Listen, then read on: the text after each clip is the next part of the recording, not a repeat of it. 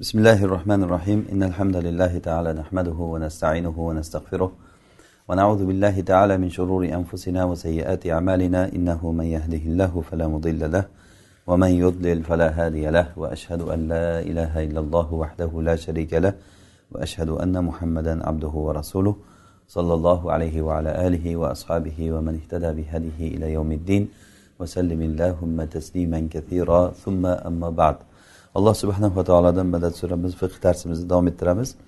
O'tgan darsimizda biz taloq kitobidan nafaqa bobiga kelib qolgan edik. Ya'ni er kishi xotiniga nafaqa berishlik va bu nafaqani sababi nima? Nafaqa kimlarga beriladi? Shu haqda suhbat davom etayotgan edi. Ho'p xotin kishiga musanif rahimulloh aytdilarki la linashizatin xorajat min baytihi. Shu joyga kelib qoluvdik ayol kishi agarda xotini uydan itoatsiz holatda chiqib ketib qolsa yerdan so'ramasdan uydan chiqib ketib qolsa ba'zan e, xotinlar shunaqa qilib turib arazlab ketdim men deb otasinikiga ketib qoladi masalan. Shunaqa itoatsiz bo'lib uydan chiqib ketsa unga nafaqa yo'q. Ba'zi bir latoiflardan kelgan ekan ya'ni bir e, qiziqarli gaplardan. Shurayhul qodiydan so'ragan ekan shu itoatsiz bo'lib uydan chiqib ketgan ayolga nafaqa beriladimi? deganda ha nafaqa beriladi degan ekan. Qancha beriladi deganda bir qop tuproq beriladi degan. Ya'ni bu degani nafaqa yo'q degani. Va yana qarz sababli mahbus bo'lib turgan ayolga ham nafaqa soqit bo'ladi. Masalan bir ayol qarz bo'lsa e, va shu qarzi uchun u habs qilinsa qarzi uchun habs qilinsa habs qilinsa ya'ni qamab qo'yilsa qozi tarafidan qarz egalari talab qilib bersin desa bu bermay yurib e, qamalsa o'sha qamoqda turgan paytidagi nafaqasi eriga vojib emas degani bu. Chunki xotin nafaqaga haqli bo'lishlik uchun o'zini erga topshirish kerak. Asli shu shu atrofda ilinadi gapimiz. O'zini erga topshirish kerak va mahbus bo'lish kerak er uchun va er u ayoldan foydalana olish kerak. Agar o'shanday bo'lmasa er tomonidan berayotgan nafaqa soqit bo'ladi. Har qanday holatda shunday tasavvur qilsak gap shuni atrofida aylanaveradi. Vala maridotin lam tuzaf yoki bo'lmasa lam tuzaffa u eriga kelin qilib olib kelinmagan ayolga ham e, ya'ni bu lam tuzaffa bu erini oldiga olib kelinmagan ayol bo'lsada va yana kasal bo'lsa. O'shanday bo'lsa bunda ham e, mahbus bo'lib turish erini oldida turish ham yo'q va yana eri undan bir foydalanishi ham yo'q. Va yana vala mahsubatin karhan majburan bu erkakdan tortib olib ketilingan bo'lsa masalan ba'zan qayna qaynotasi kelib turib yaxshigina yashab turgan kelinni tortib olib ketadi. O'shanda olib ketsa qaynotasinikida qaynonasinikida turganda qiz e, o'sha e, nima kelin o'zini uyida turgan holatida bu nochiza deyilmaydi ya'ni itoatsizlik bo'lmagan buni majburan olib ketishgan e, lekin bundan nafaqa soqit bo'ladi. Uni kim olib ketgan bo'lsa o'sha odamlar nafaqa berishi kerak. Buni qarindoshlari akalari masalan tog'alari kelib janjal to'palang bilan olib ketib qoladi ba'zan. O'shanda nafaqa to erini uyiga kelguncha nafaqa unga vojib emas. Endi bu narsalar qachonki o'sha qozixonada aytilayotgan gaplarda bu aslida kelishib o'tirsa shu ham gapmi e, deyishligi mumkin eshitgan odam. E, lekin bu qozixonada aytilayotgan gaplar ya'ni odam e, haq huquqlarni aniqlashda shu darajagacha borib ya'ni gap shu darajagacha yetishligi ham mumkin ekan. Va yana nafaqa vojib bo'lmaydi hajga ketgan ayolga. Hajga ketsa la maahu eri bilan birga ketmagan ya'ni o'zi ketgan. Hajga ketganda agar eri bilan birga ketgan bo'lmasa unga nafaqa vojib bo'lmaydi. Agar e, eri bilan birga bo'lsa deyapti falaha nafaqatul hadar valau e, kanat maahu agar eri bilan birga bo'lsa unga e, muqim holatdagi nafaqa beriladi safar holatdagi nafaqa emas. Safar holatda nafaqa ko'proq bo'lishligi mumkin. Masalan ovqatlarni uyda uyda ovqat qilinadi uydan nima bo'ladi? Arzonchiligi bo'ladi. Ammo musofir yurtida masalan yo'l kira xarajatlari bor ko'chadan ovqat sotib olishlik bor mana bu narsalarda eri xotiniga qilib berishligi shart emas. Lekin qilsa bu fadl va ehson bo'laveradi. Lekin bu huquqlar hali aytganimizdek qanchalik darajada haqqi bor deganda bilib olish uchun aytyapmizda buni. Va yana la safar safar uchun ham xarajat qilishligi eri e, vojib emas erni zimmasida emas. Valal kiro va yo'l kira haqlari ham safarda bo'layotgan bo'lsa masalan hajga borganda masalan biletlarga pul to'lash kerak bo'lib qolsa boshqa bo'lsa buni ham eri to'lashligi shart emas. Va alayhi musiron nafaqatu xodimin vahidin laha faqat. Va er kishi agar boy holatda bo'lsa e, xotiniga faqatgina bitta xodimni nafaqasini berish kerak bo'ladi. Ya'ni xotinga bitta nafaqa e, xodima e, xizmatchini nafaqasini ham berish kerak bo'ladi. Unga qo'shib uni kiyimi uni oziq ovqati turar joyi o'sha xizmatchisiga ham ta'minlab turishlik kerak bo'ladi. Faqat bittaga qachonki bu er boy bo'lsa. Boy bo'layotgan bo'lsa bitta la musiron agar er kambag'al bo'layotgan bo'lsa unga kuchi yetmasa u vojib emas. Fil asoh ya'ni asoh rivoyatda shunday. Ya'ni fil asoh deganda bu yerda imom muhammadni e, gaplari borki uni xodimasini nafaqasini baribir ham berish kerak. Agar xizmatini o'zi o'zi ayol qilolmaydigan bo'lsa e, o'zini o'zi xizmatini qilolmaydigan bo'lsa deb. Endi hozirgi kunda ayollarga bunaqa xizmatkor qilib berish degan narsa hech kimni xayoliga ham kelmaydigan narsa bo'lib qolgan. E, qayerdan kelgan? Masalan ish ko'payib ketsa bitta kelin olamiz deyiladi. E, ish ko'payib ketdi tezroq kelin olishimiz kerak deb. O'sha kelinni e, ko'proq ishlatishga oladida ba'zi joylarda qishloq joylarda ayniqsa. Qishloq joylarda ayollarni juda yam ahvoli obgor holatda juda yam ya'ni katta katta bog'larni o'zlari nima qilib ketmon bilan ko'mib chiqadi ochib chiqadi. Erkaklar bir ish qilmaydi masalan ba'zi bir o'lkalar bor erkaklar umuman ish qilmaydi xuddi orin erkagiga o'xshaydi. Bir manfaat keltirmaydi. Faqat yotadi. Hamma ishni ayollar qiladi. Molga ham qaraydi bola chaqaga ham qaraydi har yili tug'adi ham e, hamma ishni qiladi. Ya'ni bu yerda haq huquqlar degan narsada ayollarni huquqi umuman toptalib tashlangan joylar bo'ladi. E, endi bu har kim o'zini huquqini bilsa er kishi ham o'shani o'zini zulm qilayotganligini ayolga his qilsa o'shani haqqini bilsa keyin o'shanga qarab e, muomala qiladi o'shani biladi ollohdan qo'rqadigan odam. Ya'ni aslida agar adolat qilaman men haqqimda hech qachon birovni haqqini yemayman e, birovni haqqi menga o'tmaydi deydigan odam bo'lsa mana shularni bilib olib turib shunga qarab muomala qiladi. O'sha uchun aytilyapti bu gaplar. E, u nafaqadan ojiz bo'lganligi uchun eri o'rtasi ajratib yuborilinmaydi masalan bir er xotinini umuman e, boqolmay qoldi. Xotiniga nafaqa berolmay qoldi. Ba'zan ishi yurishmay qolishi mumkin kasal bo'lib qolishligi mumkin er. Yoki qamalib qolishligi mumkin masalan. Har xil holatlar bo'ladi. O'shanda xotiniga nafaqa berolmay qolsa unda nafaqa berolmay qoldi deb o'rtasi ajratib yuborilinmaydi chunki uni yechimi bor boshqa tomondan. U qanaqa yechimi? Bil istidanati alayhi. Erni zimmasiga erni hisobidan qarz olishga buyuriladi. Sen deydi xotiniga qozi aytadiki e, birontadan qarz olib turgin erim to'laydi deb olgin deydi. Keyin u olib o'ziga nafaqasiga kunlik oylik xarajatlariga ishlataveradi. Buni eri to'laydi. Yani qachon boy bo'lgandan keyin to'laydi. Agar to'lolmasa eri qarz bo'lib o'lgan bo'ladi.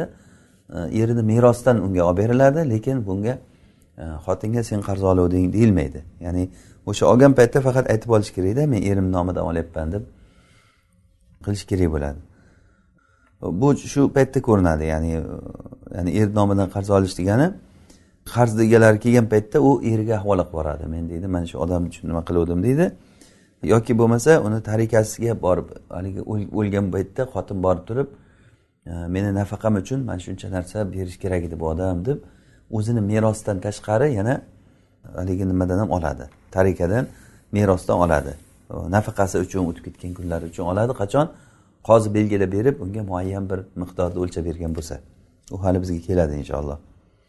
Imom malikda imom shofiy imom ahmad bu kishilar e, aytganki agar er xotinni boqolmay qolsa o'rtani qozi ajratib yuboradi degan. Holatni o'rganib chiqadi. Qaraydi er haqiqatdan ham nafaqaga muhtoj bo'lsa e, nafaqani berolmaydigan bo'lsa erni o'zi e, keyin qozi o'rtani buzib yuboradi nafaqa uchun buzishlikka haqqi bor deb aytishgan. Bizni mazhabda aytishganki yo'q unaqa qilib qozi buzib yubormaydi chunki uni boshqa yo'llari ham bor. E, birdan oilani buzib yuborgandan ko'ra uni nomidan qarz olish masalasi bor. Chunki alloh subhanava taolo aytadiki va ila maysara. Agarda qiynalgan odam bo'lsa bir e, boylik vaqtigacha kutib turish kerak degan. Bu aynan o'sha shu bo'ldi hozir mana er qiynalib qoldi. Xotin birdan o'rtani buzib ketaman demasdan e, sabr qilib tursa ila maysara boylik vaqtigacha kutishlik bor. Demak shariatda boshqa buni bundan oldin ham yechimlar bor deb aytishgan.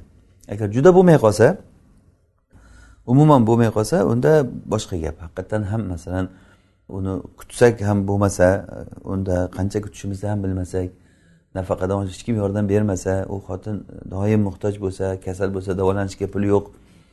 Odamlar doim eshigidan qarz so'rab kelishdan tinmaydi. Mana shunday holatlarda e, ya'ni zamonni holatini boshqasini e'tiborga olgan holatda hozir bir sharoitga qarab ish qilganligi yaxshiroq. O'zi aslida bitta narsaki shu er xotinni yashash holatlarida eng asosiy narsa er xotin ma'ruf bilan yaxshilik bilan yashashligi bor. Bularni hayotida bir yashashlik va e, totuvlik bilan yashashlikni rioya qilish kerak. Agar o'shanday bo'lmayotgan bo'lsa masalan nafaqa berganda ham ma'ruf bilan nafaqa bermayotgan bo'lsa holatni qaraydi qozi shularni ajratib yuborgan yaxshimi yoki yashagan yaxshimi? Bunda albatta oraga aralashadigan qozini ishtihoddan bir nasibasi bo'lishi kerak. Ya'ni mushtahid odam bo'lishi kerakda qarab voqeni tushunadigan hukmi shar'iyni tushunadigan bir zakiy odam bo'lsa e, unda biladi mana bularda hayotidan foyda yo'q ajralgani yaxshi deydi. Ba'zan aytadi yo'q bu hayot davom etgani yaxshi deydi masalan. Odamiga qarab farq qiladi. Lekin muhim oilani saqlab qolishlik birinchi o'rinda turayotgan narsa. Oilani saqlab qolishlik birinchi o'rinda turadi lekin shu bilan birga zararlanmasdan. Oilani saqlab qolaman deb turib u kelinga Э, xotinga sen shunga sabr qilib yurasan endi deb e, nafaqa bo'lmasa ham hech narsa bo'lmasa ham bir yil bir qancha yillab masalan e, kutib yurishlikka uni majbur qilishlik unga zarar berish bo'ladi. Shariatimizda zarar berish yo'q birovga. La doror va la diror masalan erni rioya qilaman deb xotinga zarar berish kerak emas yoki xotinni rioya qilaman deb erga zarar berishlik kerak emas. E, Shuning uchun ham ya'ni bu holatga qozi albatta bir hikmat bilan qarashligi kerak bo'ladi. Ho'p keyin musanif rahimulloh aytyaptilarki vaman furidotli asarihi? Kimki kimgaki agar nafaqa kambag'al bo'lganligi uchun e, nafaqa belgilab berilsa.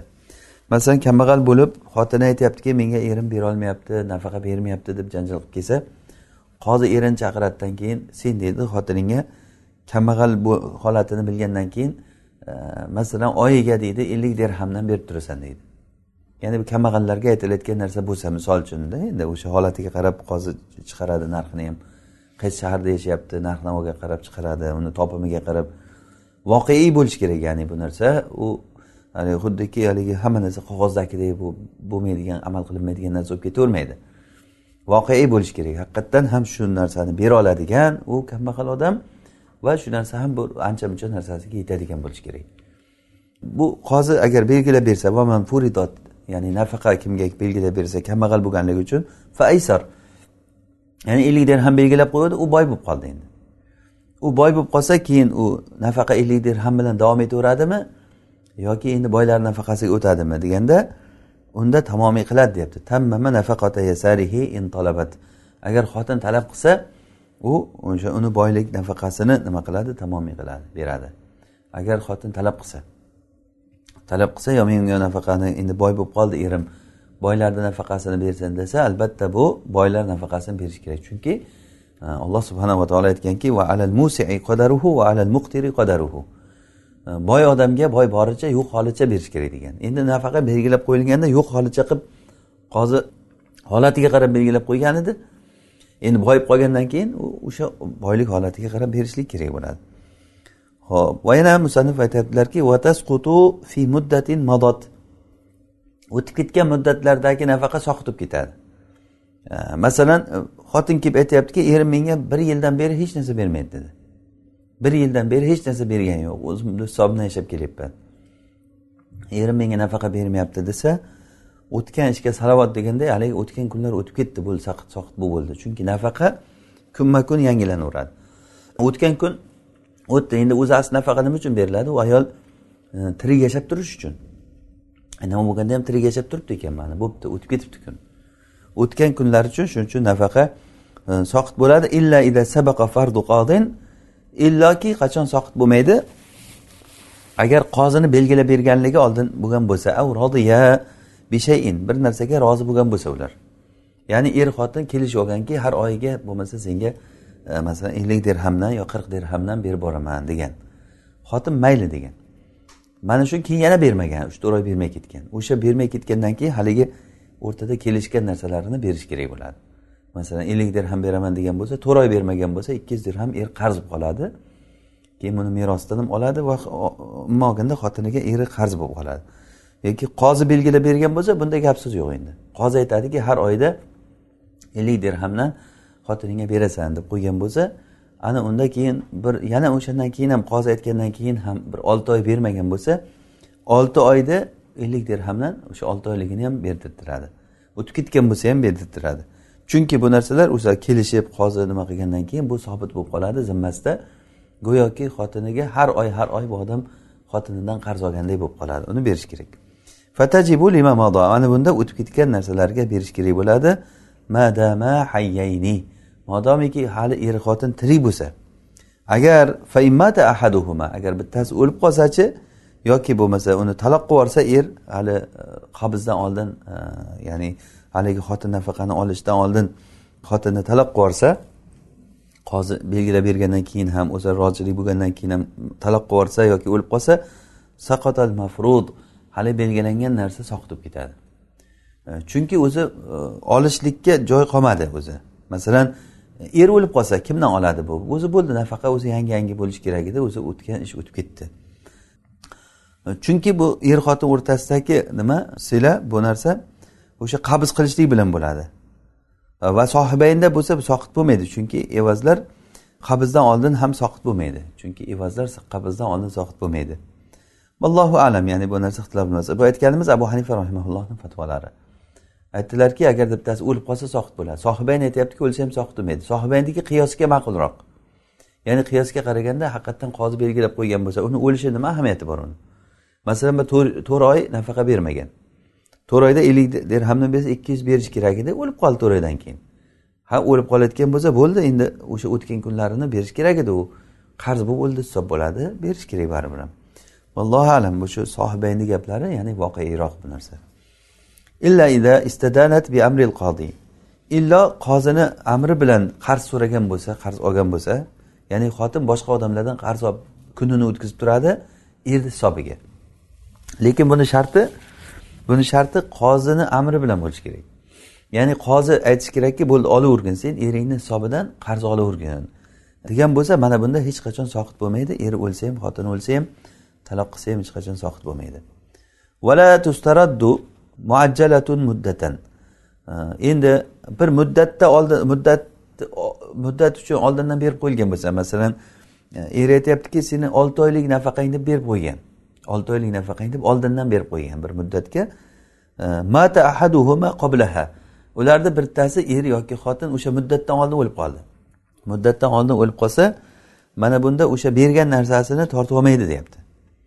Bergan narsasini tortib olmaydi. Imom muhammad va imom shofiy imom ahmad bu kishilar aytganlarki e, o'tgan kunlarda nafaqasi hisoblanadi ayolni e, va qolgan narsasi nafaqasini agar turgan bo'lsa beradi. Agar ishlatib qo'ygan bo'lsa qiymatini beradi.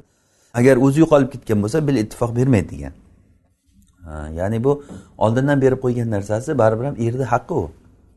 Agar qachon xotin unga haqli bo'lib o'sha muddatni kelsa muddatgacha yashasa o'shanda xotin haqli bo'ladi. Ammo u masalan aytaylik bir besh yillik nafaqang deb oldindan berib qo'ygan er besh yil mana shu senga nafaqa deb besh yilkisini berib qo'ygan bo'lsa. U besh yilgacha bir yildan keyin o'lib qolsa er. Bir yildan keyin o'lib qolsa u xotin keyin to'rt yillik nafaqani oldindan olgan nafaqasini nega yeb yuradi uni? Halol bo'lmaydi unga. Qaytarib berish kerak degan. Abu hanifa rahimalloh aytyaptilarki yo'q oldindan berib qo'ygan narsani qaytarib olmaydi. Chunki bu bir hadya o'rnida bo'layotgan narsa. Bo'lgandan keyin uni qabz qilib oldimi bo'ldi uni qaytara olmaydi degan. Allohu alam val ilmu indalloh. Masala ixtilofli masala. Hatto mazhabimiz ichida ham imom muhammad mana ixtiloflari borki bergan narsasi haqiqatdan imom muhammadni gaplari agar ko'proq yilga berib qo'ygan bo'lsa bu ma'qul ko'rinadi. Ko'proq yilga berib qo'ygan bo'lsa keyin er o'lib qolsa e, xotiniga bo'ldi bu qaytarib olgan narsangni sen endi begona bo'lib qolding unga. Э, deb erda haligi olgan narsasi nohaq olgan bo'ladida qaytarib berish kerak bo'ladi. Uni chunki nafaqa deb nafaqa hisobidan berganda unga. Nafaqa hisobidan bergandan keyin u nafaqa berishligi vojib bo'lmay qoladi o'lgandan keyin. Qaytarib berish kerak bo'ladi. Ammo ozroq muddatga bo'layotgan bo'lsa uni hali uni iddasi bo'ladi er o'lib qolsa masalan. Э, to'rt oy o'n kun idda o'tirish kerak xotin. Mana shu paytlarda e, yoki xotin o'lib qolsa masalan unda yana ham nafaqa soqit o'zi bo'ladi. Xotin o'lib qolsa nafaqat soqit bo'ladi. U olgan narsasini e, xotinni olgan narsasini erga qaytarish kerak bo'lib qoladi. E, va agarda agar er o'lib qolsa masalan idda va boshqalardan keyin uzoqroq muddatga olgan bo'lsa qaytarib berish kerakligi o'zi qiyosda shunday bo'lib ko'rinadi. Vallohu alam. Va nafaqatu irsil qin. Hop qulni xotinini nafaqasi o'zi qul qin degani hamma tomondan qul hech qanday bir hech bir jihatdan unga ozodlik kelmagan. Ya'ni mudabbar ham emas u muvallat ham emas mukatab ham emas. Bu qin degani ochiq e, sof qul. Hamma tomondan qul bo'lgan odam. O'sha uylangan ekan xo'jayinni izni bilan uylangan bo'lsa e, mana shuni xotinini nafaqasi alayhi o'ziga vojib. Uni xo'jayinisiga emas mavlosiga emas. O'ziga vojib bo'ladi keyin nima qiladi? Uni hech narsasi yo'q u to'lashga. Uni narsasi hammasi saidniki qo'lda ustidagi kiyimi ham saidniki. Demak u nima qiladi? Uni yubau fiha marratan ba'da uxro uni bir martadan keyin yana bir marta u sotilaveradi keyin. Bir martadan keyin yana bir marta sotilaveradi. Ya'ni bir martadan keyin yana bir marta degani bir marta sotiladi keyin pulini xotinni nafaqasiga beriladi. Keyin olgan odam ham uni ishlatib yuradi yuradi yuradi keyin yana qarasa eshikni tagiga bir ayol kelib o'tiribdi. Ha desa men erim nafaqasini so'rab keluvdim. Bu qulni xotini bor unga nafaqa berish kerak. Ana o'shanda keyin bu xohlasa sayid qancha edi nafaqang deydi mana shu mana deb nafaqani berib erni qutqarib qoladi. Agar yo'q uni bermayman desa majburiy tarzda bu er yana bozorga sotilib uni puli yana xotinga beriladi. Mana yeysan sen deb. O'shani mayda chaynab yeydi u haligi hisoblab masalan oyiga ellik dirham qirq dirham qilib qozi belgilab bergan narxda yeydi yeydi. Tugagandan keyin yana keladi. Yana kelsa u u narigi boshqa sotib olgan odamga aytadiki buni nafaqasi bor buni. Shuning uchun ham sotib olish paytida u bilib olish kerak. Shuning uchun ham uylangan qulni bir tomondan aybdor bo'lib qolishligini ham nimasi shu. Uylangan qul e, masalan siz bozordan qul olayotgan bo'lsangiz bu qulni xotini bor desa o'ylashingiz kerak. U xotini bo'lsa nafaqasi ham bor. Demak siz bu qulni xotinini to'qlash bilan birga uni xotinini ham nafaqasini berishligingiz kerak. Agar bermasangiz sizga vojib emas. Agar bermasangiz quldan ajralib qolishingiz mumkin. Erta besh olti oydan keyin u nafaqalar yig'ilib ketadida keladi xotin qozi bilan birga. Keyin bu qulni sottirib sizni qo'lingizdagi narsa ketib qoladi ketib qoladida sottirib turib nima beradi. Bu odam kuyib qolaveradimi keyin? Bu qulni nimasi kuyib qolaveradimi? Bu e, mana shunday bu la zarar va la zirorga teskari bo'ladi bu narsa. Lekin vallohu alam bunday holatda qulni bo'ynida qolib ketadida bu sayidni narsasi. Endi bu ertaga qul qachon ozod bo'lsa sayyidga keyin ishlab to'lab kelib beradi. Lekin ungacha iloji yo'q xotin yashash kerak. La zarar va la ziror hech kim kuymaydi bu yerda. Faqatgina sayyidni puli ushlanib qoladi. Faqatgina sayidni puli ushlanib qoladi bir odamni jonini saqlash uchun. U ham bir katta bir e, narsa bo'lmaydi o'zi aslida. O'sha uchun ham aytilyaptiki la yubau fiha marratan ba'da uxro bir martadan keyin yana bir marta e, sotilaveradi degan. E, bu qachon qiyin bo'lsada ya'ni sof qul bo'lsa ammo mudabbar umuvalat bo'lsa bular sotilinmaydi bularga aytiladiki ishlada ishlagan pulingni ya'ni o'shanga nafaqaga ber deyiladi. Mukotab bo'lsa ham xuddi shunday mukotab. Agar qachoniki mukotab bo'ldi mukotabligidan ojiz bo'ldi buni endi yana qiyinlikka qaytaramiz desa u boshqa gap. E, unda yana hozir yuqorida aytganimizdek qulni e, qiyin bo'lgan sof qulni hukmida bo'lib qoladi. Bundan boshqa qarzlarda nafaqadan boshqa hozir masalan mahrga o'xshagan qarzlar bo'lsa er xotindan qarz qolgan narsalar bor nafaqadan qarz bo'lmagan e, mahrdan qarz bo'lgan. Masalan xotiniga aytganki menga xotin bo'lsang senga o'n ming dirham beraman deganda man hozir ming dirhamini olib tur degan qolgan to'qqiz mingi zimmasida qolgan qarz. Endi ana shunga o'shanga qarzlarda yubaul qinnu marratan vahida bir marta sotiladi uni. Unda bir marta sotiladi bo'ldi. Chunki bu narsalar yangidan yangidan yangi bo'lavermaydi. Nafaqa yangi bo'laveradi. Har kuni har kuni yangi yangi e, nafaqa e, sodir bo'laveradi. Chunki kunlar yangi yangi bo'ladida. Unda mahrdagisi bir marta sobit bo'lgan. Bir marta sobit bo'lgan narsaga qulni sotib turib yetgancha to'lanadi yetmagani uni bo'ynida turaveradi. To qachon ozod bo'lsa o'shanda ozod bo'lgandan keyin ishlab to'laydi. Ungacha bo'ynida turadi. Va tajibu suknaha endi ayolni joy bilan ta'minlashlik erkakka vojib bo'ladi. Hozir nafaqasini aytdik hozirgacha. Nafaqasi bu endi sarf xarajati kerak bo'layotgan narsa kiyimi va yeydigan narsasi bu. Endi turar joyi bo'lsa tajibu suknaha. Turar joy bilan er xotin ta'minlash kerak. U farqi yo'q uni o'zi o'zini milki bo'lsin yoki bir birovdan omonatga olib turg'izadimi ijaraga olib yashatadimi farqi yo'q. Xotinni muhim bir uyda yashatish kerak. U xotin qilib turib qamishzorni ichiga borib tashlab kelsa qachon bo'lsa vaqt topib borib kelaman ko'priklar tagida yashab yursa masalan xotini u bilan er u xotin qildim degani emas bu.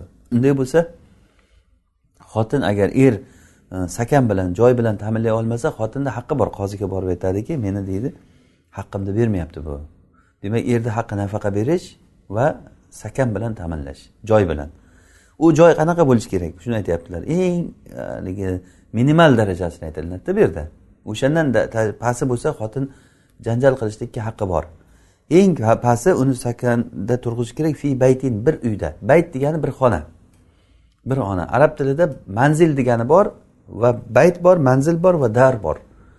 Bayt bu bitta xona mana mana shu uy. Mana shu uy xotin masalan bitta uy bo'lsa e, xotinga bo'ladi. Ammo manzil degani bu uydan chiqsa tashqarida masalan uyda e, biz bizni o'zimizda kvartira deb qo'yadik dom sharoitida masalan. E, bunda masalan hammomi bor matbax oshxonasi bor. Mana bu manzil bo'ladi. Va uylar xonalari bor. Xonani o'zi bayt deyiladi. Ammo boshqa sharoitlari masalan oshxonasi hammomlari bo'lsa bu manzil deyiladi.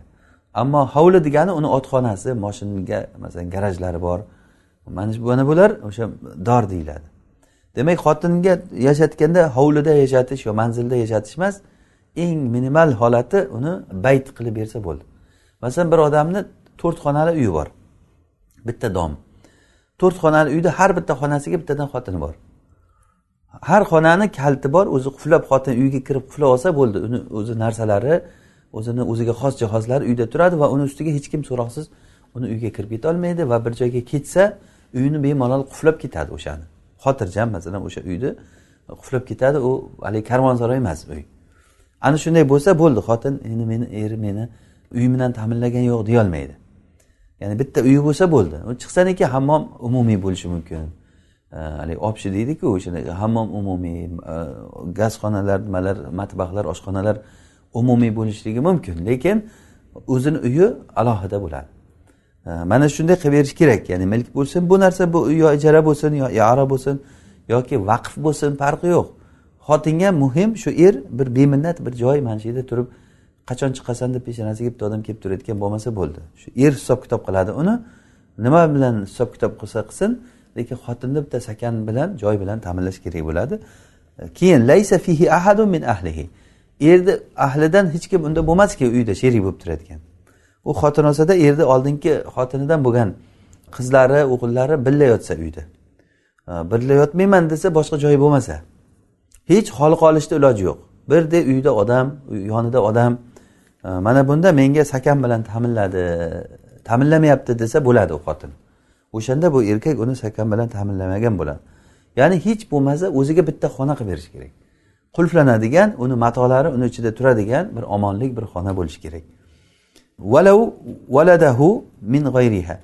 Agar o'sha bu ayoldan boshqa bilan boshqadan bo'lgan bolalari bo'lsa ham erkakni bolalari bo'lsa ham birga turgan bo'lsa u sakan bilan ta'minladi degani emas bu. Ya'ni mayli uni ayolni rozichaligi bilan kelsin birga yotsin desa illa biridoha rozichilik bilan bo'lsa bo'laveradi. E, lekin ayol talab qilsa haqqi bor. Yo'q meni uyimga hech kim kirmasin. Seni bolalaring ham kirmasin xotining ham kirmasin singling hech kim kirmasin desa xotinda haqqi bor. E, bunda hozir masalan kelinlarda bunaqangi huquq borligini hech kim bilmaydi ham u kelinni uyiga masalan bostirib kirib ketaverish bo'lib qoladi. Ba'zan e, qaynopalari qaynisingillari bemalol o'sha uyiday o'zini uyiday narsasidan qilsa bu bo'lmaydi. Lekin bizni urfimizda baribir alhamdulillah kelinni o'zini xos bir uy qilinadi unga.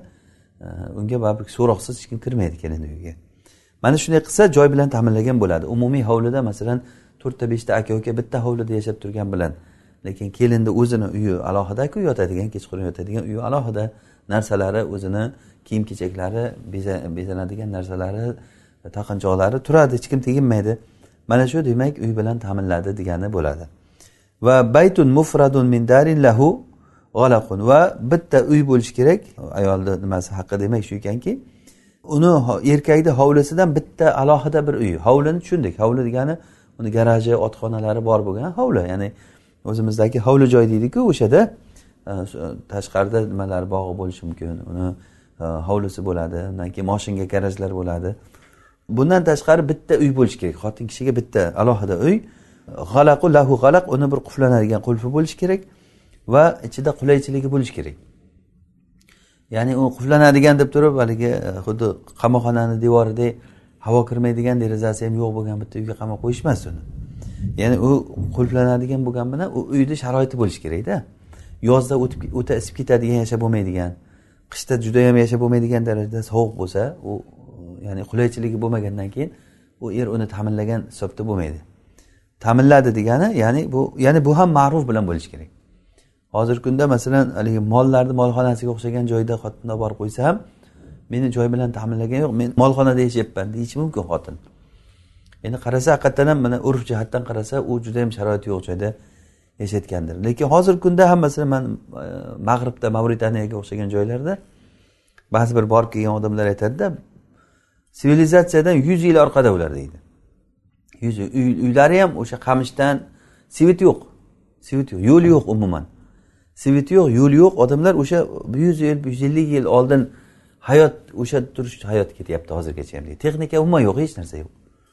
Svit bo'lmagandan tabiiy unda e, radiotexnika hech narsa bo'lmaydi telefonlar ham bo'lmaydi e, odamlar o'sha holatda hali ham qulchilik bor ekan. Bozorlardan qul olib sotib nima qilib o'sha eski hayotda yashayapti odamlar. Ya'ni nima demoqchi edim men? O'sha ana shu holatdagi uy masalan ularni o'zlarini urfidagi uyi bilan hozir bu yoqda masalan e, sivilizatsiya bor joyda yashayotgan odamlarni uyini farqi bor. O'sha uchun ham uy bilan ta'minladi deganda u uy ma'ruf bo'lgan uy bo'lishi kerak. Albatta u uy deganda butun bezalgan e, haligi e, hamma joy kafil qilib qishlardan qilingan bo'yoqlar hamma joy bo'yalgan degani emas bu. Ya'ni o'rtacha urf bo'yicha bitta uy degan bo'lsa bo'ldi. Allohu alam. Ho'p valahu manu validayha va valadiha.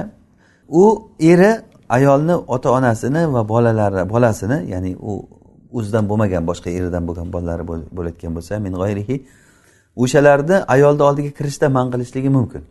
Ota onang kelsa bu kirmasin ota onang kelsa tashqariga chiqib o'sha yerda gaplash yoki derazadan boshingni chiqarib gaplash ular tashqarida tursin. Desa erni haqqi bor u uyga kirgizmaslikka. Lekin ota onada man qilishga haqqi yo'q. Ota onang bilan gaplashmaysan deyishga haqqi yo'q bu sizlarga rahmni uzish bo'ladi.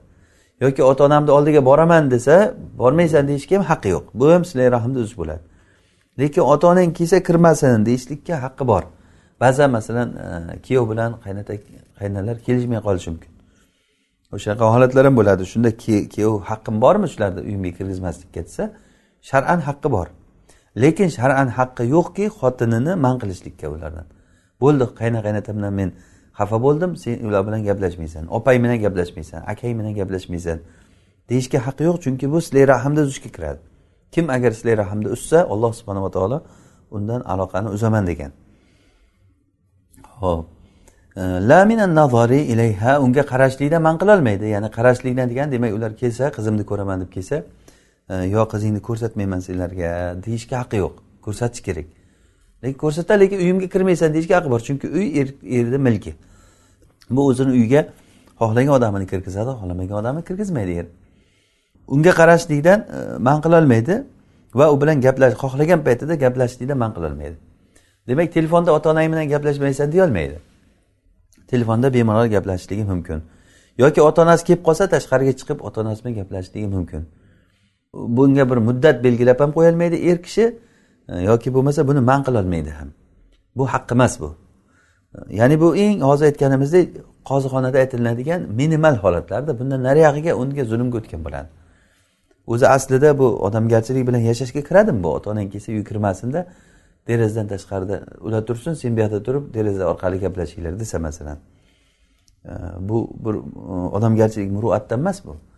Lekin bu huquqlar nima qilamiz endi? O'sha huquq shu uni haqqi shu o'zi aslida. Vaqila la yamnau minal xuruji ilal validayni. Vaqil aytilganki erkak kishi e, xotinini ota onasiga borib chiqishlikdan man qilolmaydi. E, va ularni uni oldiga kirishlikdan ham man qilolmaydi. Har juma kuni majbur xotin shu yerda turibdimi kirishlikdan man qilolmaydi. Ota ona bo'lgandan keyin kelib ko'rish kerak qizini. Degan qiyil bor. E, vallohu alam ya'ni bu narsa o'zi urf bilan hal bo'layotgan narsa. Urf bo'yicha masalan kuyov qaynotang qaynota qaynonalar kelsa kirgizmay ekan eshikni ochmay ekan deyilsa nima bo'ladi bu? Bu ma'ruf bilan yashashga kirmaydi bu. Shuning uchun ham ma'ruf bilan yashash degani kelsa kirsin mana marhamat kiringlar mehmon bo'linglar o'tiringlar e, deyishligi kerak bo'ladi er kishi. Chunki o'shanday demasa bu umuman odamgarchilik ma'rufdan tashqari bo'lgan narsa bo'lib qoladi odamgarchilikdan tashqari narsa bo'lib qoladi. Vafi mahramin g'oyrihima ota onadan boshqa mahramlarida kullu sanatin har bir yilda bir ziyorat qilishlikka e, haqqi bor undan tashqarisiga man qilishlikka haqqi bor erini ya'ni bir yilda bir marta ko'rsatishlik. Bu ham ya'ni ya'ni ma'ruf bilan yashashlikka agar teskari bo'lsa unday bo'lmaydi. Ya'ni har bir zamonda har bir e, vaqtda e, o'sha urf odat bo'yicha kelishtiriladi. Bu narsalar o'zi albatta shariatda bir yil to'rt oy boshqa degan belgisi yo'q buni.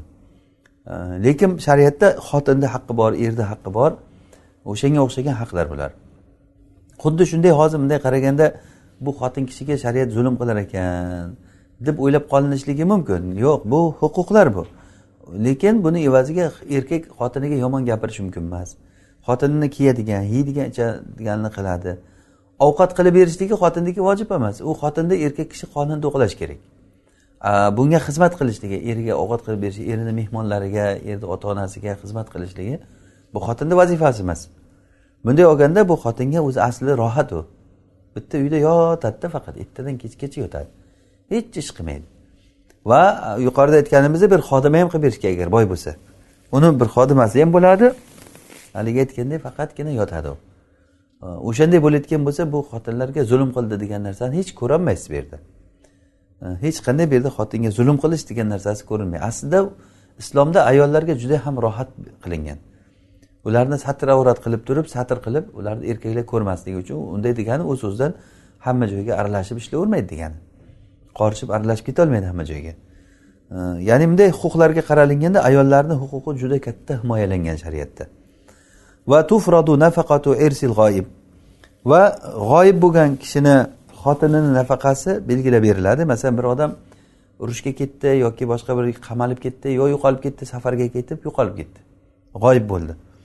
O'sha g'oyib bo'lgan kishini xotini nafaqasi e, va uni yosh bolasini nafaqasi va ota onasini nafaqasi o'zini molida belgilab beriladi. Ya'ni uni boshqa bir mollari bo'lsa tijorati bo'lsa o'sha molidan qozi aytadiki mana shu moldan e, har kuni shuncha shuncha beriladi deydi. Men jinsi haqqihim ularni haqlarini jinsidan ya'ni masalan bir odamda uni omonati bor. Masalan bir odamda uni omonati bor. U omonat masalan bir kishi menga masalan besh tonna bug'doy berish kerak. Besh tonna bug'doy berish kerakmi? Endi men g'oyib bo'lib ketsam meni ahlimga qozi aytadiki qancha bug'doy yeysizlar sizlar a shuncha bug'doy bo'ldi haligi omonatdagi bug'doydan e, shunga har oyga ellik kilodan bularga berib turasan deb haligi mudaga omonatga qo'yilgan odamga aytadiki sen bularga berib turasan deb aytadi.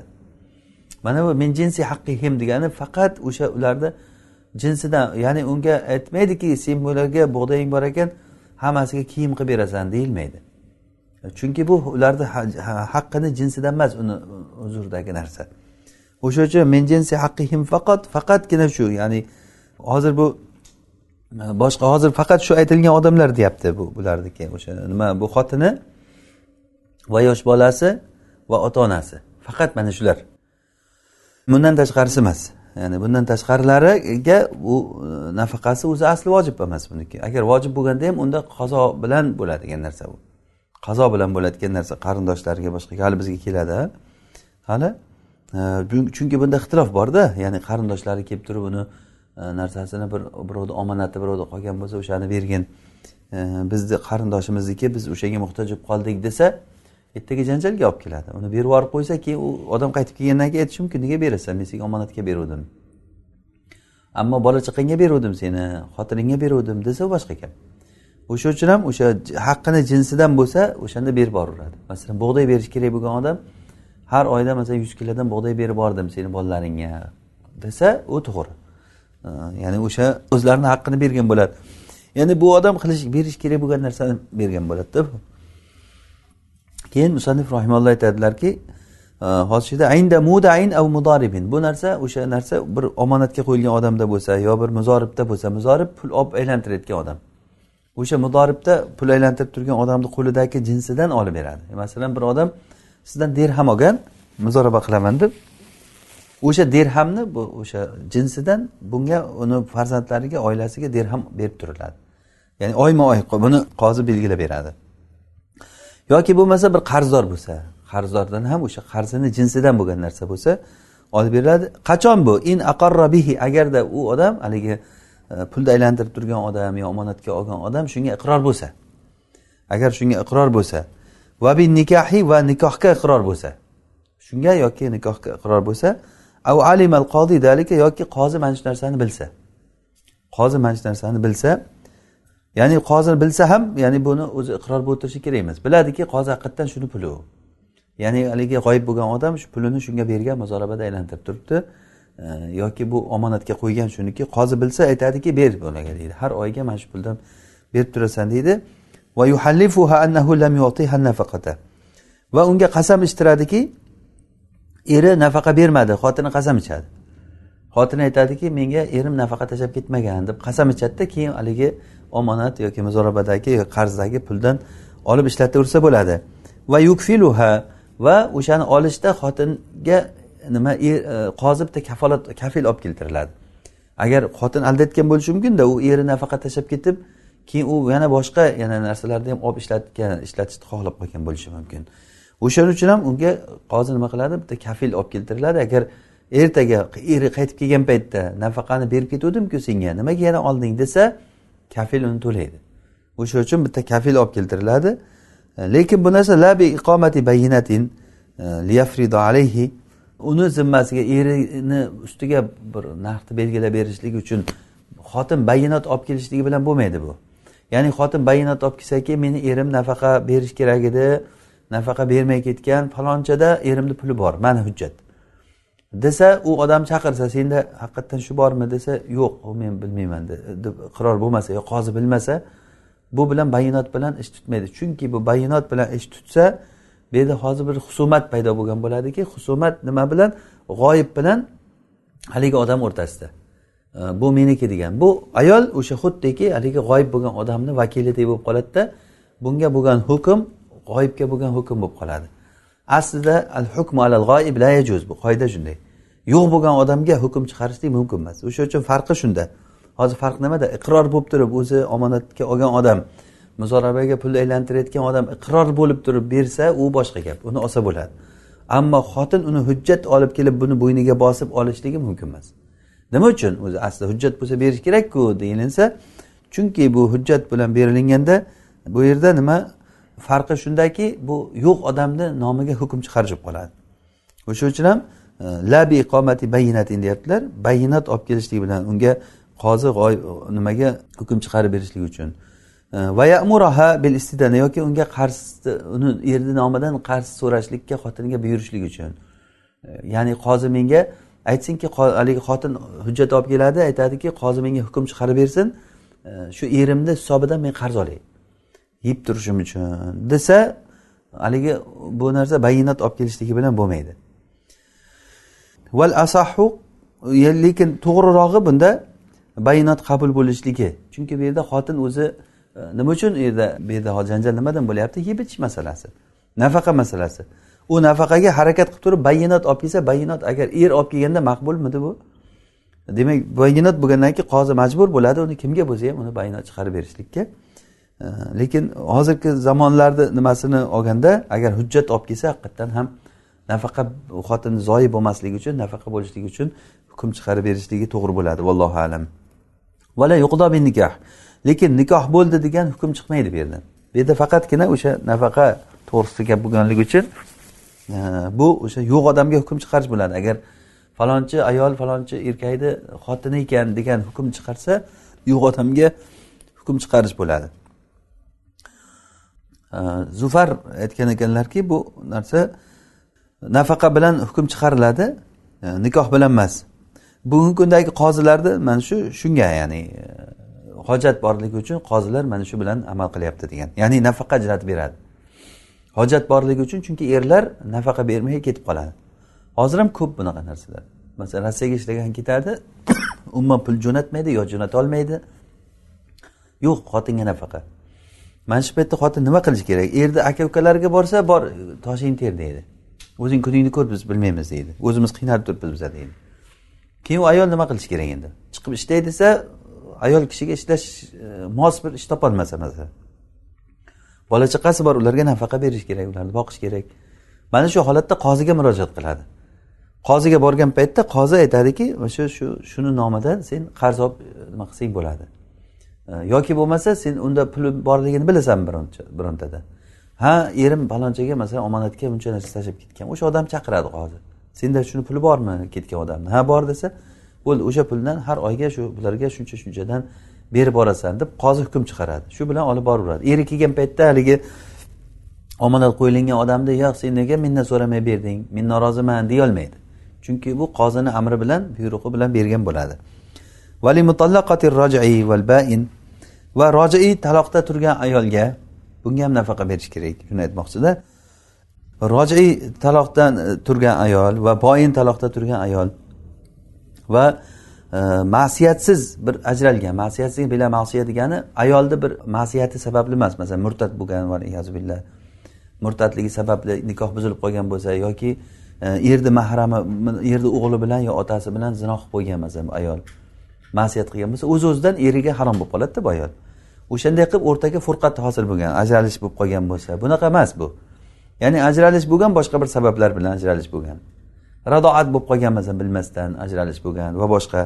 Mana shunday ajralib turgan ayol xiyaril etiqda masalan bunda ham ajraladi. Qiyaril etiq bo'lganda e, ayol kishi xotini cho'ri bo'lib turgan holatda ozod qilinsa e, keyin ozod bo'lgandan keyin unga qozi aytadiki bo'ldi senga ixtiyor berildi.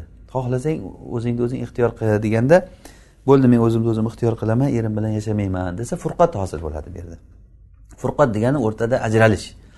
Mana shunga nafaqa berish kerak bo'ladi. Va bulug' va balog'atga yetgandan keyin xotin aytsaki qiz bola balog'atga yetgandan keyin men erim bilan yashamayman desa masalan. E, va tafriq va e, kafoat bo'lmaganligi uchun ajratib yuborishlik masalan adamil kafaa ya'ni bu xotin o'zicha bitta erga tekkan keyin uni nimalari avliyolari kelib e, nima qildiki? Talab qildiki biz norozimiz bu bizga tegmas odamga e, turmushga chiqibdi ekan. Desa agar bunda o'shanda haqqi bor ajratib yuborishlikka mana bunda qozi tafriq qiladi o'rtani nikohni buzib e, er xotinni o'rtasini ajratiladi ajratadi. Mana shu ayollar hozir mana shu holatda. Nechta aytyapman qarang. Rojai taloqda turgan ayol boyin taloqda turgan ayol va ma'siyatsiz ajratish hosil bo'lgan ayol. Ma'siyatsiz deganimizda aytdik hozir murtadlik bo'lmagan yoki bir zino holati haligidek haromlik kelib qolib ajralish emas bu yoki xiyarul aytiq masalan cho'ri ozod bo'lgandan keyin o'zini o'zi ixtiyor qilgan erim bilan yashamayman degan va bulug' balog'atga yetib balog'atga yetganda erim bilan yashamayman degan yoki bo'lmasa kafoat bo'lmaganligi uchun ajralgan. Mana shularni hammasida mana shularni hammasida e, an nafaqatu va sukna. Bularga nafaqa va sukna beriladi. Toki bular iddasi tugab e, ketguncha iddasi tugaguncha nafaqa beriladi. Hop. Hatto uch taloq qilingan ayol bo'lsa ham bizni mazhabda shunday. Uchta taloq qilingan ayolga ham boin taloq bo'lgan bo'lsa uchta taloq bo'lgan bo'lsa ham hattoki o'shanga nafaqa beriladi. Imom molik imom shofiy imom ahmad jumhur aymalar aytishgan ekanki uchta taloq bo'lgandan keyin nafaqa yo'q unga degan. Uchta taloq bo'lgandan keyin e, unga nafaqa yo'q. U uchta taloq bo'lgan ayol bo'ldi u bu eriga haromku. Endi u er nima uchun unga nafaqa berish kerak? Va bular daliliga fotima binti qaysni nimasini dalilini keltirgan uni eri uchta taloqni bergandan keyin o'zi safarda yamanga ketgan bo'lgan ali roziyallohu anhu bilan birga. O'sha yerdan odam yuborib xotinni taloq qildirib yuborgan. Aytgan xotinimga aytinglar u taloq bo'ldi deb. Keyin u taloq bo'lgan uchinchi taloq tushgan. Ya'ni uchinchi taloq tushgandan keyin uni akalar erini aka ukalari uni chiqarib yuborgan joyidan chiqarib yuborgandan keyin rasulullohni oldiga kelganda rasululloh men taloq bo'ldim uydan chiqarib yuborishdi meni. Deganda senga nafaqa joy bilan ta'minlash vojib emas eringniki deb uni abdulloh ibn um maktubni qarindoshi bo'lgan ayolni o'shani uyiga jo'natgan. Iddani o'sha yerda o'tirgan deb o'sha yerga jo'natganlar. Mana shuni dalil qilgan ular. O'sha ayolni holatini. Ha bizni dalilimiz alloh taolo oyatda askinuhunna min haythu sakantum degan. Xotinlaringni sakan bilan ta'minlanglar degan. Bunda mutlaq aytyapti uch taloq bo'lgan bir taloq bo'lgan rojai taloq demadi. Xotinmi? Demak uni e, xotin bo'lib turgandan keyin e, uni ta'minlanglar deb aytyapti. E, keyin o'zi xotin kishi iddada turgan bo'lsa boshqa erkakka tiyolmaydi uni kim boqadi uni? Demak u iddada o'tiribdimi shu erini e, uchun o'tiribdida iddada. Baribir eriga qaytolmagan bilan lekin shu iddada turganligini sababi shu eri uchun. Demak u boshqa erga tiyaman desa tiyolmasa iddasi tugamaguncha demak uni kimdir boqib turishi kerakku muallaqa bo'lib qolib ketmaydi. Va hokazo ya'ni bu shu dalillar bilan bu sahobalar ham bu narsada sahobalarni nimasi amallari ham shunga sobit bo'lgan nafaqa berishlik nimasida ixtilofli masala orqali. Lekin bizni mazhabdagi fatvo shunga. Ya'ni agar ayol kishi uchta taloq bo'lsa ham uchta taloq bo'lgan bo'lsa ham unga nafaqa beriladi.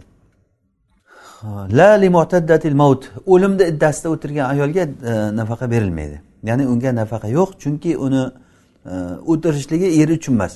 Uni o'tirishligi shariat uchun o'tiribdi. Shariat uchun o'tir shariat aytganligi uchun o'tiribdi. U erini nimasi e, ehtiromi uchun mahbus bo'lib o'tirgani yo'q. Va yana yana nafaqa bo'lmaydi. Val mufarroqati bimasiya ma'siyat sababidan ajratilgan ayol bo'lsa. E, masalan riddaga o'xshagan. Va taqbil ibn zavj erini balog'atga yetgan o'g'lini o'pib qo'ysa ayol shahvat bilan. E, ya'ni bu degani erini boshqa o'g'lini boshqa xotindan bo'lgan o'g'lini masalan shahvat bilan o'psa unda keyin u eri harom bo'lib qoladi bunga. Ya'ni xotinni ma'siyati sababli o'rtaga nima? Furqat ajralish hosil bo'lyapti. Ya'ni bu ajralish xotin tarafidan kelganligi uchun unga nafaqa berishlik vojib bo'lmaydi. Va riddatu mu'taddat salas tusqitu nafaqata la tamkinuha. Uchta taloqda turgan e, e, uchta taloq bilan iddada o'tirgan ayol uchta taloq bilan e, iddada o'tiruvdi. Unga nafaqa berish kerak biz aytdik yuqoridan mazhabdagi fatvo uchta taloq bo'lgan ayolga nafaqa berib turgan. O'sha paytda u ayol murtad bo'lib qoldi. Ya'ni bu faraziy bir misolda ya'ni o'zi asli murtad bo'lsa u diniga qaytishlik talab qilinadi. Qaytmasa o'ldiriladi endi o'sha holatda murtad bo'lib qolsa agar murtad bo'lib turgan holatida hali u qozi uni ishini ko'rib chiqib unga tavba qilishligi so'ralguncha baribir nafaqa muddati borda kunlar o'tadi. Mana shu paytda iddasi iddada turgan ayol murtad bo'lib qolsa bu murtad bo'lishligi nafaqani soqit qiladi. Nafaqani soqit qiladi. La tamkinuha mana shu holatda xotin e, o'zini erni otasiga yoki o'g'liga masalan tamkin qilsa o'zini masalan zino qilishlikka imkon qilib bersa e, va shu ish sodir bo'lsa ham masalan bunda nafaqa soqit bo'lmaydi. Chunki buni bu harom ishni qilishligi bilan harom ishni qilishlik bilan erga harom bo'lib qoldi degan gap yo'q. Chunki u shundoq ham o'zi harom edi. Lekin baribir bir tomondan haromligi bo'ladi u. Chunki bu xotin boshqa erkakka tegib qaytib kelishi mumkin. Endi u qaytib ham kelolmaydi. Bir tomondan e, bunda ham o'shanday e, bir yo'qotish bo'lishi kerak bunda. Shuning uchun la tamkinuha degani uni tamkin qilishligi nafaqani soqit qilmaydi. Bu bir ishtihodiy masala bu. Ishtihodiy masala. Agar o'shanday bo'layotgan bo'lsa chunki xotin hech narsani o'zgartirmadi erdan hech narsani yo'qotmadi deyiladi. Yo'qotdi desak ham bo'ladi. Nima uchun? Chunki bu xotin boshqa erkakka tegib undan taloq bo'lib chiqsa bunga tegishi mumkin edi. Lekin hozir bu holatda umuman e, bunga qaytolmaydigan holatga tushib qoldi o'zi. Tifli faqiron ala abihi. E, yosh bolani nafaqasi faqir bo'lsa u otasiga vojib bo'ladi. Ya'ni bolani ota boqish kerak. Mana qarang shariatda hammani holati nima qilish kerakligi belgilangan. Hech kim zoyi bo'lib qolmaydi. Bola ko'chada qolib ketmaydi shariatda. Yosh bolani nafaqasi faqir bo'lsa agar otasiga ya'ni faqir bo'lsa degani bola faqir bo'lsa. Bola o'zi faqir bo'ladida bizda o'zi bolani boy bo'lish tasavvur ham qilinmaydi. Ya'ni o'zi aslida shariatda bu huquqlar bo'lgandan keyin bola boy bo'lishligi mumkin meros olgan bo'lishi mumkin. Meros olsa onasi o'lib onasi katta boy bo'lgan bo'lsa masalan onasini merosi shu bolaga qoladi. Eri uni to'rtdan birini oladi qolgani hammasi bolaga qoladi. Demak u bolani hisobida katta pul bo'lishi mumkin. Unday bo'lsa u bolaga ota nafaqa berish shart emas. O'zini pulidan ishlatadi unga. O'zini pulidan ishlatadi ma'ruf bilan. Agarda u bolani hech bo'lmasa hozirgi bizni kunimizdagidek bolalarga hech yo'q degan e'tibor bor. O'shanday bo'lsa uni nafaqasi kimga? Otasiga vojib bo'ladi. Alloh subhanava taolo aytadiki va alal mavludi lahu rizquhunna va kisvatuhunna bil ma'ruf. Ya'ni qisqasi bu ota qilish kerak. Hamma narsani oilada qaramog'idagi odamlik ayolni rizqi ham ayollarni ta'minoti ham erkakda e, va farzand yosh bolalarniki ham erkakda. Ammo ayol ergashtirib kelgan robiblar bo'lsa ayol ergashtirib kelgan bolachalari bo'lsa oldingi eridan uni bu ikkinchi eri boqishi shart emas. Boqaman mayli deb va'da bergan bo'lsa bu va'da bo'ladi. Keyin bo'ldi boqmayman endi desa haqqi bor. Chunki u ayolga u ayolga kim nafaqa berishi kerak?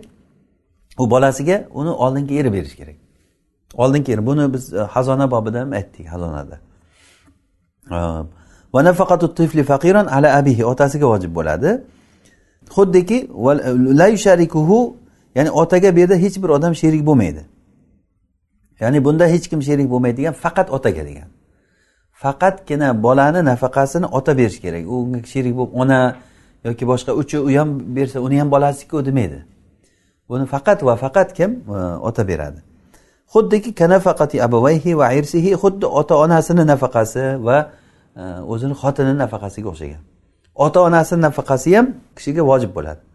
Agar ota onasi muhtoj bo'lsa agar faqir bo'lsa ota onasi muhtoj bo'lsa uni nafaqasi o'g'ilga vojib bo'ladi ularga nafaqa berishligi va irsihi va xotininiki. Xotinniki ham nafaqasi erkakku unda hech kim sherik bo'lmaydi. Э, xotinga nima men berishim kerak? Meni xotinim bo'layotgan bo'lsa seni ukangku seningku bu deb xotinni akasiga aytsa qaynotasiga aytsa seni qizingku bu qizingga nafaqa bermaysanmi? Ho'p meni xotinim ekan seni qizingku u. Deyilmaydi. U buni erga berdimi turmushga chiqdi nikoh bo'ldimi? Tamom. Buni nafaqasi hammasi eriga ko'chib o'tadi. Akasi otasi hech kim sherik bo'lmaydi bunga. Faqat va faqat shu beradi. Ota onasiga ham shunday. Agar ota onasi muhtoj bo'lsa nafaqani faqatgina shu o'g'li beradi. Va ona bolani emizishligi vojib emas onaga. Illa ida taayyanat. Illo tayin bo'lib qolsa vojib bo'ladi. Ya'ni ona aytadiki bolaga men bolani emizmayman. Hayla emizuvchilar bor puling ham bor borib emizasan desa haqqi bor. Keyin er uni boshqa emizuvchilar topib pulini berib emizadi. Bu ayolni uyida emizadi emizganda ha emizmayotgan bo'lsang ber bolani deb olib ketib qolmaydi. Bola ayolni oldida turadi emizuvchi kelib o'sha yerda emizib ketadi u pulini eri beradi. Illo qachon tayin bo'lib qolsa tayin bo'lishligi qanday bu boshqa emizuvchi topolmasa yoki bu bola boshqa ayolni ko'kragini olmasa faqat shu ayol o'zini enasi emadigan bo'lsa unda bola ochidan o'lishi kerak emas uni. Albatta u xotinga majburlanadiki emizdir emizasan shuni. Chunki bola zoyi bo'lmaslik kerak. Agar yo'q bu ayoldan boshqa ayollar ham bo'lsa unda ayol majburlanmaydi. Agar unamasa emizmayman desa majburlansa zulm bo'ladi bu yerda. Allohu alam. Vaqtimiz bo'lib qoldi. Hali lekin e, mavzumiz tugamagan edi. Inshaalloh yana shu yerdan davom ettiramiz. Mana ko'rib turganimizdek bu narsa bir e, qiziqarli joyi shuki shariatni qanchalik darajada mukammalligi qanchalik darajada bizga huquqlarni huquqlarni bayon qilib berganligi. Har bir odamni haqqi bor. Ayolni o'zini haqqi bor erkakni o'zini haqqi bor hududi bor. O'sha hududdan oshganda zulm bo'laveradi. Hozirgi kundagi oilalarni buzilib ketishligini sababi zulmlar hammasi shu hududlarda turmaslikdan bo'ladi. Har bir odam o'zini agar o'zini haddini bilsa o'zini haddida yaxshi tursa inshaalloh bu e, ya'ni zulm holati bo'lmaydi va adolat shunday ko'rinadi o'zi. Yana takror aytamizki bu aytgan narsalarimiz hammasi qozixonadagi eng minimal holatlarni aytyapmiz.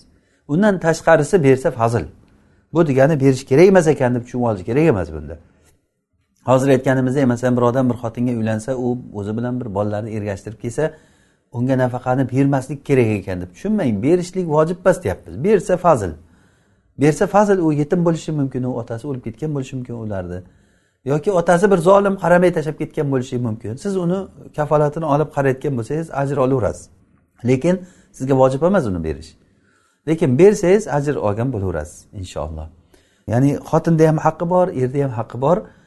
mana bu narsalarni biz bilishlik bizga juda katta bir fiqh eshiklarini ochib beradi alloh subhanava taolo yana ham foydali ilmlarni o'rgatsin foydali ilmlardan ziyoda qilib bersin alloh taolo o'rganganlarimizga amal qilishlikka tavfiq bersin alloh taolo darslarimizni davomli va barakotli qilsin هذا ما أعلم ربنا تعالى أعلى وأعلم سبحانك اللهم وبحمدك نشهد أن لا إله إلا أنت نستغفرك ونتوب إليك صل اللهم وبارك على عبدك ونبيك محمد عليه الصلاة والسلام والسلام عليكم ورحمة الله وبركاته.